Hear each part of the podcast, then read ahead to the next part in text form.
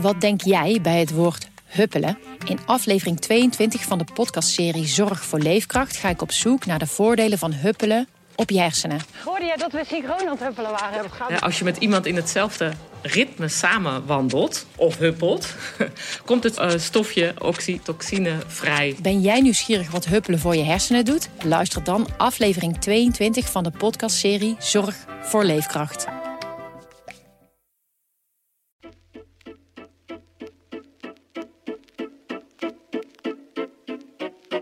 Hallo, dit is Haags Half Uurtje, de politieke podcast van Trouw. Mijn naam is Christos Smit. Een week na de Provinciale Statenverkiezingen eisen twee partijen alle aandacht op. Aan de ene kant natuurlijk de grote winnaar BBB van Caroline van der Plas. Aan de andere kant het CDA dat juist fors onderuit ging. Wat is er met die partij aan de hand en komt het ooit nog wel goed? Tegenover mij zit vandaag Wilma Kieskamp, politiek redacteur bij Trouw. Wilma, van harte welkom. Dankjewel. Om te beginnen met uh, deze week. Wat is de laatste stand van zaken bij uh, het CDA? Het is voor het CDA natuurlijk een hele heftige week geweest, waarin het uh, in eerste plaats is gegaan over uh, de vraag of uh, de politiek leider Wopke Hoekstra wel kon aanblijven. En dat leidde tot een hele langdurige en ook naar verluid behoorlijk emotionele sessie in een hotel in Maarsen. Um, de uitkomst is bekend. Hoekstra is, uh, kan door. Uh, er is eigenlijk in de partij um, een soort uh, unaniem gevoel. Wij moeten het nu niet over de poppetjes gaan hebben. dat geeft denk ik juist aan hoe diep de crisis is. Dat, um, dat, dat men wel ziet dat, dat, dat daar niet de oplossing in zit dat Hoekstra nu aftreedt.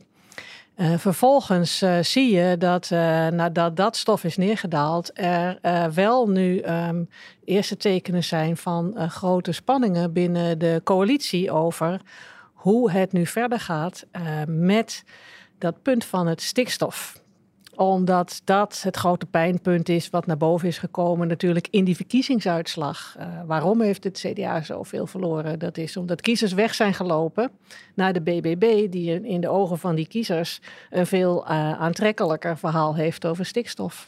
Um, en, en hoe gaat het CDA daar precies mee aan de slag?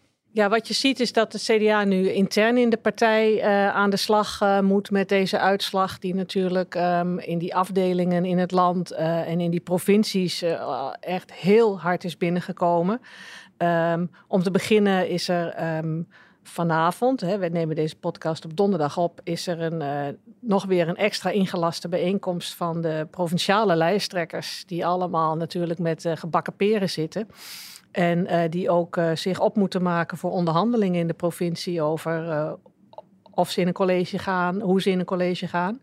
En daar zul je zien dat er ook weer heel veel van die pijn naar buiten komt over wat gaat onze partij nu doen om, om die kiezers terug te winnen. En de aanvoerder van het verzet daar is, is de voorzitter van CDA Limburg, Harald Schreuder heet hij. En die heeft al gezegd, hij wil nog deze week een zichtbare impact zien waar, waarmee hij bedoelt ik wil gewoon ik wil van Hoekstra horen wat hij gaat doen.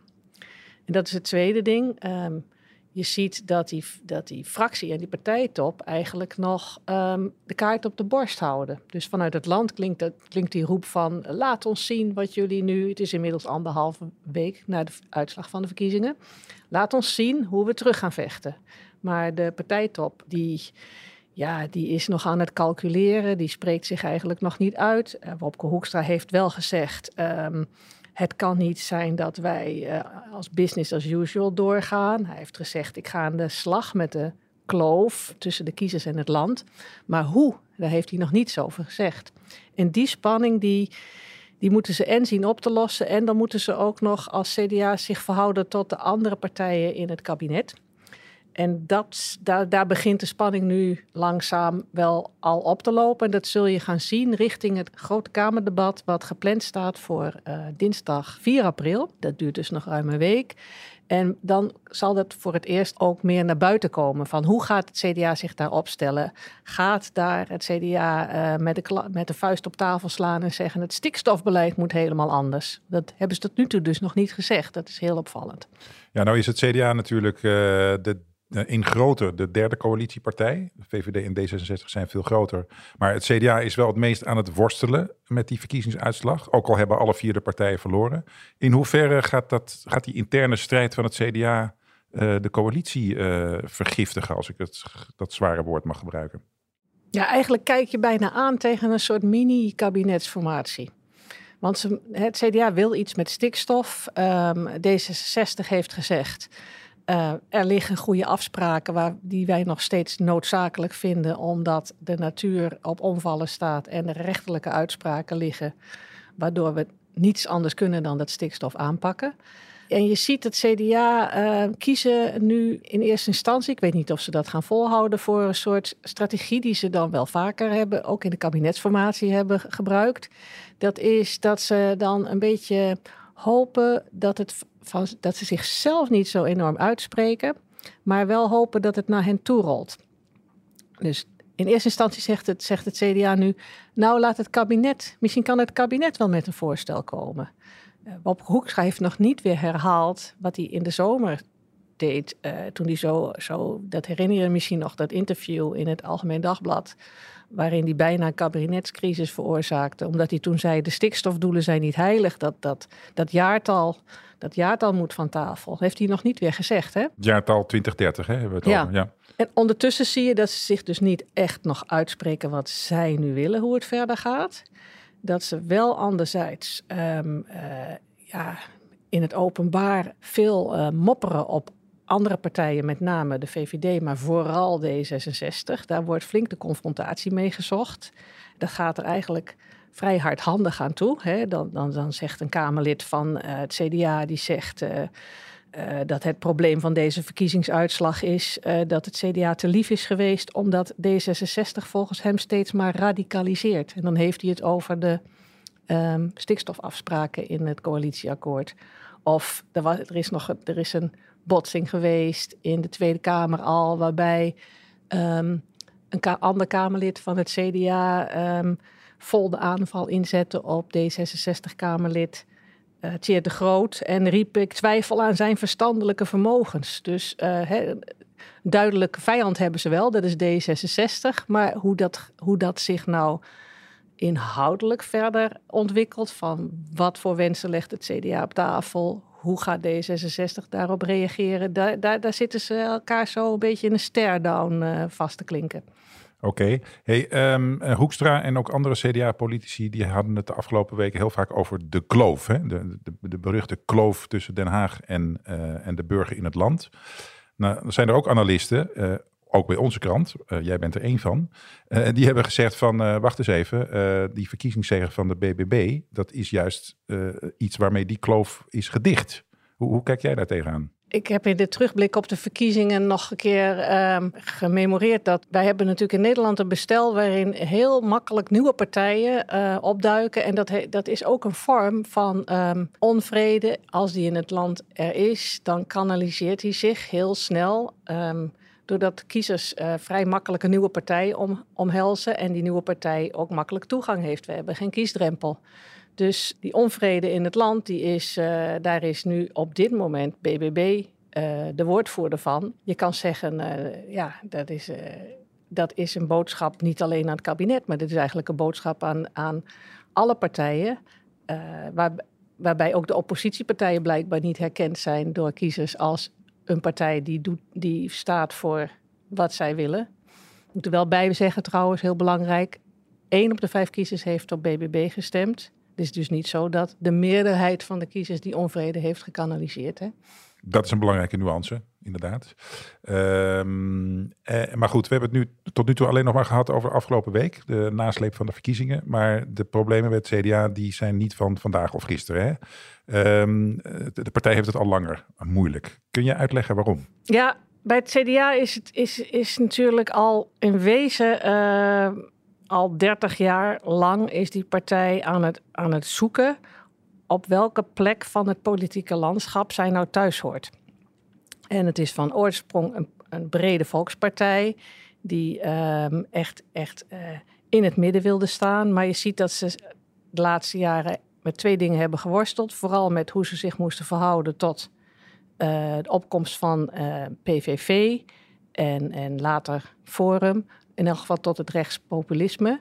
En hoe ze zich moeten verhouden tot de groei van de VVD. Dat is misschien wel het grote nieuwe ding voor het CDA. Hoe moeten ze zich verhouden tot het feit dat het land steeds meer een liberaal land wordt. En zij zijn natuurlijk echt geen liberale partij. Dat, dat, dat zit in hun vezels. Dat ze dat individualisme van de, van de VVD verschrikkelijk vinden. Waarom het dan steeds met het CDA ehm, tot een crisis komt, heeft zowel te maken met de cultuur van de partij als met het zoeken naar wie, wat willen wij zijn in de praktijk.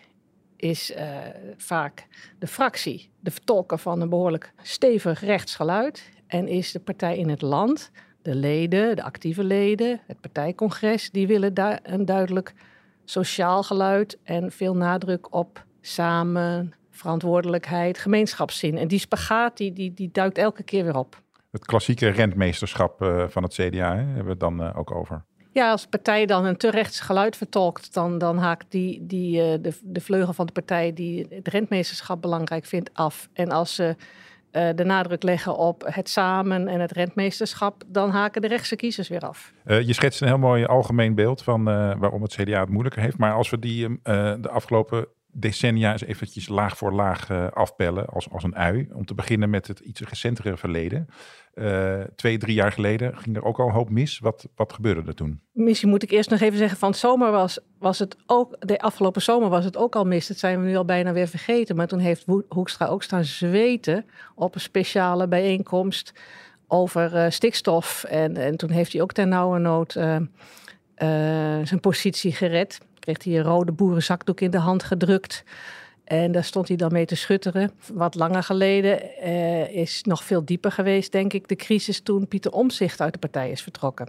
Dat speelde zich af in uh, eh, 2021 en daar had Hoekstra ook wel een grote rol in. Is hem toen ook erg kwalijk genomen. Je herinnert je misschien nog wel dat na de Tweede Kamerverkiezingen, aan het begin van de kabinetsformatie, toen um, via RTL Nieuws uitlekte dat er pogingen waren gedaan door Hoekstra om Pieter Omzicht, zoals dat heette, te sensibiliseren. Die Omzicht was een lastig Kamerlid en die moest, ja, die moest eigenlijk uh, een beetje in toom gehouden worden met altijd zijn eeuwige kritiek op het kabinet. En um, dat is toen um, zo hoog opgelopen dat, uh, dat Omzicht uh, vertrokken is uit de partij. En, en eigenlijk had je daarvoor al wat rumoer voor de verkiezingen uh, met een wat rommelige leiderschapsverkiezing. Ja, in, in die zin kan je zeggen, ze hebben elk jaar eigenlijk wel een enorme crisis. En elk jaar bijna wel een, een ingelast partijcongres waarbij dan um, op het laatste moment de rijen weer gesloten worden. Die, die lijsttrekkersstrijd, dat herinner je ook nog wel. Dat, dat was dat moment dat, dat die had eerst um, leden mochten kiezen. Uh, en daar stond Pieter Omzicht versus Hugo de Jonge. En Omzicht verloor het nipt. En, en, en, zijn vrouw klaagde nog van uh, er is iets misgegaan met uh, stem, stemcomputers. Want ik heb op Pieter gestemd en, en, en het is, ik krijg door dat, een, dat het verkeerd is gegaan. En jij herinnert je misschien ook nog wel dat uiteindelijk toch nadat uh, Hugo de Jonge de lijsttrekker geworden was, opeens toch de partijtop daar weer helemaal niet gelukkig mee was. En toen werd de Jonge weer aan de kant gedouwd na een intensieve campagne, campagne via de Telegraaf, waarin steeds de roep om Hoekstra werd, uh, uh, groot werd gemaakt. En toen moest toen moest Wopke Hoekstra lijsttrekker worden. En dat ging ook allemaal op een hele, hele, hele ruige manier eigenlijk. Pieter Omzicht heeft toen nog geklaagd dat hij uh, uh, voor het blok is gezet. Uh, dat was een fantastische scène. Hij, hij dacht zelf, Pieter Omzicht, dat hij nog een keer met Hoekstra mocht praten over wie van hen twee een lijsttrekker zou worden. Maar de spindokters van het CDA hadden al lang geregeld dat er cameraploegen van de NOS voor de deur bij Hoekstra's thuis stonden. En, en, die, waren, en die hadden al meegekregen dat Pieter Omzicht zou arriveren om, Pieter, om Wopke Hoekstra te komen feliciteren. Toen, heeft, toen, zag je, toen zag je omzicht daar naar binnen gaan met een soort grimmig gezicht van ik ben erin geluisterd. En toen wist je dat er heel veel problemen gingen komen. Die zijn ook gekomen. Ja, je noemde al uh, roemruchte partijcongressen van het CDA. Ik kan me één heel goed herinneren. Waarschijnlijk andere ook wel die van 2010, als ik me niet vergis. Toen het ging over regeringsdeelname uh, met gedoogsteun van de PVV van Geert Wilders. Hoe is dat avontuur afgelopen voor het CDA? Retorische vraag, maar ga je gang. Ja, er zijn heel veel mensen die toch elke keer bij elke crisis in het CDA weer zeggen... Um, de jongste crisis is toch nog steeds een, een na-effect van dat, dat splijtende moment in die partij toen ze in 2010 hebben gekozen om te gaan uh, in een coalitie te stappen die gedoogsteun zou krijgen van de PVV. Die hele partij die, is toen, die is toen zo uit elkaar getrokken en dat die emoties zijn zo diep geweest dat die, die kampen hebben zo tegenover elkaar gestaan en eh, het moment dat dat meest zichtbaar is geweest was op dat roemruchte partijcongres in Arnhem, dat toen live op televisie is uitgezonden. Een van de eerste keren dat dat gebeurde in Nederland, dat de televisie pre, was, het, was dat nog pre-internet? Ik weet het eigenlijk niet. Nou ja. Nou, dat niet, maar tv was toen nog uh, een massamedium, laat mm het zo mhm. zeggen. Ja. En um, daar stond Camille Eurlins destijds, de grote, gezien als de grote verlosser en de grote redder van de partij. Die stond toen met tranen in de ogen uh, uh, een, speech te houden waarin hij uh, de hele partij opriep om toch eh, akkoord te gaan met regeren met PVV. Maar achteraf heeft dat, heeft dat die partij gewoon kapot gemaakt. Gewoon puur kapot gemaakt. Dat, dat eilt nog steeds na, uh, wat jou betreft. Ja, dat is nog steeds weer die keuze van wie zijn wij eigenlijk? Op welke plek in het midden horen wij? Zijn wij een partij die die twee dingen verbindt van uh, politiek wat rechtsgeluid met een heel uh, sociaal bewogen verhaal over saamhorigheid? Of zijn wij een knijterrechtse partij? Het CDA kan daar steeds elke keer als we voor de keuze staan, dan, dan is het ene keer nee, dit en, en we gaan naar rechts en dan, dan, heeft, doet dat, dan leidt het ertoe dat er toch uh, veel minder kiezers op afkomen dan zij dachten.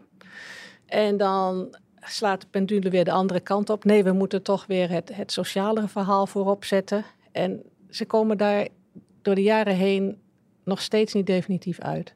Het is ook de worsteling die hoort natuurlijk bij um, die, die klassieke volkspartijen. Um, PvdA heeft in wezen dezelfde worsteling uh, doorgemaakt. Van je wilt een partij zijn die van oudsher allerlei lagen van de bevolking verbindt, die in het midden staat. Uh, het zijn allemaal natuurlijk hele uh, positieve idealen. Er wordt vaak wel natuurlijk momenteel een beetje meewarig gekeken van dat is niet meer van deze tijd. Maar dat doel wat die partijen zich stellen, dat is in wezen iets om allerlei groepen met elkaar te verbinden. Dus als je het hebt over de kloof, dan is dat in wezen iets wat iedereen uh, zou moeten aanspreken. En toch gebeurt dat niet. Je zou zeggen dat is hun specialiteit, het dichten van die kloof, van die volkspartijen. Dat is in wezen waar ze voor opgericht zijn. Terwijl ze er zelf toch dan niet in slagen om dat, die kiezers daar ook warm voor te maken. Dat is natuurlijk een soort drama waar je ook wel een beetje medelijden mee mag hebben soms. Uh, de laatste CDA-premier die uh, sommigen van ons zich misschien nog kunnen herinneren, was Jan-Peter Balkenende. Wat kan je vertellen over die periode? Balkenende is, is wezen heel succesvol geweest. Hij is vier keer premier geweest. Uh, dat is dus net zoveel als Mark Rutte. Al duurde zijn kabinetten wel korter. Maar kijk, kijk, vier premierschappen, dan ben je heel succesvol. Het interessante was dat het CDA toen cosmetisch groter was dan je eigenlijk op basis van hun politieke profiel zou verwachten. Balkenende is in het gat gestapt wat viel na de moord op Pim Fortuyn. Hij, hij, eh, er waren heel veel kiezers die toen wilden stemmen op een partij die uh, onvrede vertolkte. Pim Fortuyn was overleden. En toen diende Balkenende zich aan als een soort alternatief waar je dan met goed fatsoen op kon stemmen. En, en dat heeft hem toen heel groot gemaakt. Dat had dus heel veel te maken ook met de omstandigheden waarin CDA een bepaald iemand naar voren schoof. Niet per se alleen met het CDA-verhaal aan zich. En uh, ja, nu hebben ze omgekeerd, hebben ze meer pech op dat gebied. Dat de omstandigheden heel ongunstig zijn. Want daar zit, een premier, daar zit op rechts voor kiezers voor rechtse kiezers, waar die partijen toch vooral van moeten hebben, of kiezers die wat rechts van het midden zitten, daar zit Mark Rutte. En die is gigantisch populair. En die is eigenlijk ook naar het midden opgeschoven. Dus um, ja, zolang Rutte daar zit, hebben zij veel meer moeite om hun verhaal te vertellen. Anderzijds kan dat ook weer veranderen op het moment dat Rutte uh, van het politieke toneel verdwijnt. Zou je kunnen zeggen, uh, ja, nu dwaal ik ook weer een beetje af misschien, maar zou je kunnen zeggen dat CDA ook een beetje worstelt met de vraag: zijn we nou een regeringspartij of een oppositiepartij in deze Rutte-tijd? Die worsteling zie ik inderdaad heel duidelijk. En die worsteling proberen zij, zij proberen eigenlijk allebei te zijn, heb je wel eens het idee, als je hier ook als verslaggever rondloopt. Ze willen natuurlijk altijd heel graag regeren. Dat was ook de inzet bij de laatste uh, kabinetsformatie. Toen heeft Hoekstra in wezen alle, had hij maar één ding. Hij wilde, of hij had maar twee dingen. Hij wilde regeren en hij wilde niet dat de linkse partijen in het kabinet zouden komen. En hij heeft geduldig afgewacht totdat dat gelukt is. En tegelijkertijd zie je dat ze natuurlijk, um, met name in de tijd onder Sibrand Buma, toen hebben ze in de oppositie zich her, zijn ze aan het herbronnen gegaan. En een beetje oppositionele geluid, dat, dat proberen ze eigenlijk nog steeds een beetje te laten horen. De CDA is de partij die um, onder Buma eh, zich op ging komen voor mensen die pessimistisch en somber waren over allerlei grote vraagstukken. Aanvankelijk bijvoorbeeld over het klimaatbeleid. Buma was, uh, zat inmiddels al in een kabinet toen hij zich ook opwierp als degene die opkwam voor burgers die bang waren voor dat ze een warmtepomp moesten uh, gaan installeren. Dat was, een, dat was een verschrikkelijke ramp die er volgens hem aankwam. Je vraagt je dan wel eens af van schatten zij in, het CDA, schatten zij goed in of de burgers echt zo pessimistisch zijn. Want die warmtepompen, dat weten we allemaal, die zijn nu denk ik in heel veel CDA-huizen al lang geïnstalleerd, omdat het ook heel praktisch bleek te zijn. En ook nu zie je weer, uh, waar we het net over hadden aan het begin van de podcast, ze hebben die verschrikkelijke um, uh, uitslag gehad van de, van de verkiezingen. Het gaat eigenlijk heel slecht met de partij. En wat is hun eerste reflex? Laten we een beetje oppositioneel aanvallen gaan plegen op D66. Uh, dat, is, dat zit er heel sterk in. Dus ze plaatsen zich er zelf buiten, terwijl ze er onderdeel van zijn. En daar zit misschien ook wel de, wat, wat kiezers een beetje lastig vinden aan die partij.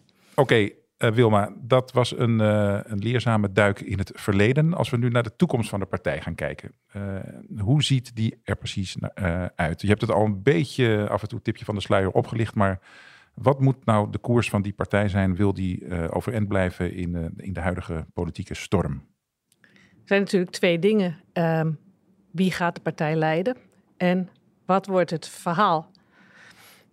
Uh, wie de partij gaat leiden, dat is op dit moment uh, Hoekstra. En daar is, daar is wel vrij duidelijk van geworden dat hij niet goed aansluit bij het verhaal dat het CDA wil vertellen. Uh, CDA-jongeren die noemen hem een consultant in de politiek. En zeker nu die partij zo wil, zegt van wij willen wat gaan doen aan die kloof tussen Den Haag en de burger, dan, dan moet een ander gezicht gaan komen.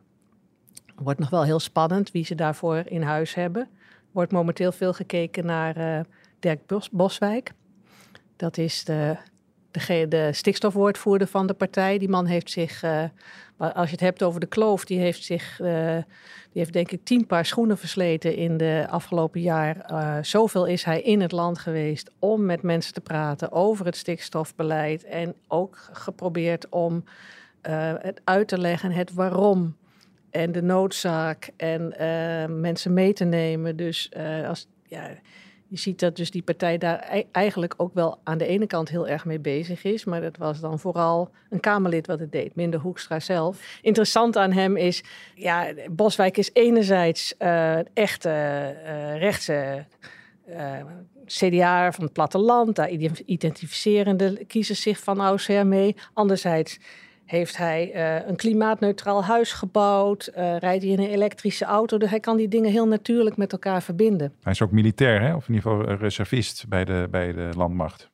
Met die achtergrond is hij natuurlijk een ideale kandidaat. Anderzijds denk je, ja, als je uh, de stikstofman naar voren schuift als de politiek leider, maak je jezelf ook heel kwetsbaar. Omdat dat nou juist het hele grote probleem is van die partij.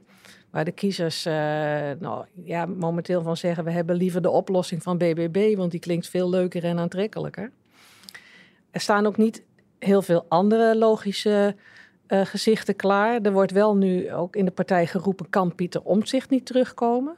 Dat is uh, een vrij ondenkbaar scenario. Er zijn zulke diepe wonden geslagen. Maar het geeft wel aan van hoe graag ze iemand willen als omzicht. Hè. Die heeft echt zo'n niet randstedelijk imago die praat al de hele, die praat al een paar jaar over uh, de, um, het, sociaal contract en over hoe de burgers en de overheid zich tot elkaar uh, beter moeten gaan verhouden. Met name hoe de overheid beter moet gaan luisteren. Dus ze, ze, zullen op zoek gaan naar een omzichtachtig type. Maar de vraag is of wie dat dan moet zijn. Dus uh, voorlopig zit in die zin Hoekstra er misschien nog wel een tijdje. En dan heb je daarnaast heb je welk verhaal gaan ze vertellen. Want dat wordt nog minstens zo belangrijk. Daarvan is denk ik op dit moment ook het probleem dat heel weinig mensen kunnen navertellen van welke onderwerpen kan je Wopke Hoekstra nu voor wakker maken? Welke drie onderwerpen heeft hij het altijd over die precies dat hele CDA-verhaal vertellen? Dus of hij moet dat zelf duidelijker gaan doen, of zij moeten hun eigen verhaal duidelijker maken. Er is enorm veel nagedacht over het verhaal in de partij. Ze hebben onlangs nog een, een, toekomstvisie van 100 pagina's afgeleverd, waar ze zelf super enthousiast over zijn. Daar zitten weer precies al die elementen in waar we het eerder over hadden van dat ze dus vanuit het midden uh, zowel dat verhaal over um, samen oplossingen, uh, samen verantwoordelijkheid zijn, zijn voor oplossingen, niet, uh, niet dat platte individualisme, um, oog hebben voor ongelijkheid in Nederland. dat, dat verhaal, daar zijn ze heel enthousiast over. Alleen ondertussen heb je ook nog steeds toch wel die neiging van die partij om, net als in de tijden van Sibrand Buma toen ze nog in de oppositie zaten, vooral dan uh, te vertolken van wij, wij spreken hier namens de pessimistische burger en wij zetten de hakken in het zand. Dus wat willen ze nou? Dat, dat, dat, dat, daar moet die partij naar op zoek. En anderzijds uh, zijn ze daar al 30 jaar naar op zoek. Dus dat, dat is ook een verhaal over waar ze al heel vaak dezelfde traject hebben afgelegd. Anderzijds worden ze nu misschien gedwongen daar een keer een definitieve keuze in te maken. Er zijn natuurlijk meer voorbeelden in de geschiedenis, de recente geschiedenis van partijen die eh, zijn afgeschreven en uh, vervolgens toch weer uh, terugkwamen. kun je daar wat voorbeelden van geven? Nou, ik moest heel erg denken aan D66. Die partij heeft twintig jaar geleden en ook een existentiële crisis gehad. Die ook um, optrad nadat ze ruziend onderling over straat waren gerold. Die, die heeft zelfs op nul zetels in de peilingen gestaan. En, uh, en die partij heeft zichzelf daarna min of meer vanaf nul af aan stapje voor stapje opgebouwd. Nou kan je niet zeggen, D66 is de grootste partij van Nederland geworden en heeft de meerderheid van de kiezers. Uh, CDA heeft, denk ik, ten diepste nog af en toe wel de droom dat zoiets voor hun nog mogelijk zou zijn. Dat ze nog weer de premier zouden kunnen leveren. Maar um, het is best mogelijk om weer eh, jezelf op te bouwen en jezelf eruit te vinden. En het is ook best mogelijk dat die kiezers die nu naar BBB zijn vertrokken, weer terugkeren bij het CDA. Dat is helemaal niet uitgesloten. Dus je moet zo'n partij ook niet te snel afschrijven. Want misschien zijn BBB-kiezers eh, over vier jaar wel eh, teleurgesteld over wat uh, hun partij in die vier jaar heeft bereikt. Ja, dat kan. En ehm, misschien hebben, of misschien, misschien kunnen ze fuseren. Want in wezen lijkt BBB, als je het partijprogramma, verkiezingsprogramma van de BBB bekijkt, heb ik gisteren nog eens gedaan, dan heb je soms het gevoel, ik kijk aan tegen, tegen een soort CDA. Maar dan in gewone mensentaal. Ja, en, en dan, um, en, maar dan wel een CDA dat in de oppositie zit. En op die manier uh, heel radicaal allerlei uh, wensen kan bepleiten die het CDA in het kabinet uh, moeilijker vindt. Dus misschien, misschien zit daar de toekomst dat ze gaan fuseren en dat het dan wordt CD-BBB. Met Caroline van der Plas als de nieuwe leider. Maar ik denk dat dit wel een beetje heel wild is gedacht.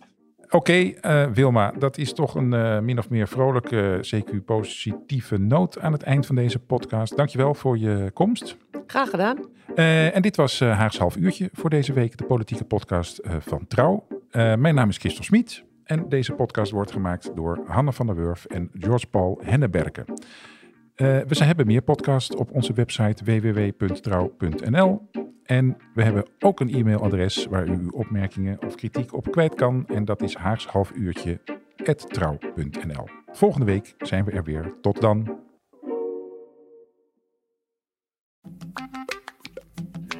Wat denk jij bij het woord huppelen? In aflevering 22 van de podcastserie Zorg voor Leefkracht ga ik op zoek naar de voordelen van huppelen op je hersenen. Hoorde jij dat we synchroon aan het huppelen waren? Ja, als je met iemand in hetzelfde ritme samenwandelt of huppelt, komt het uh, stofje oxytocine vrij. Ben jij nieuwsgierig wat huppelen voor je hersenen doet? Luister dan aflevering 22 van de podcastserie Zorg voor Leefkracht.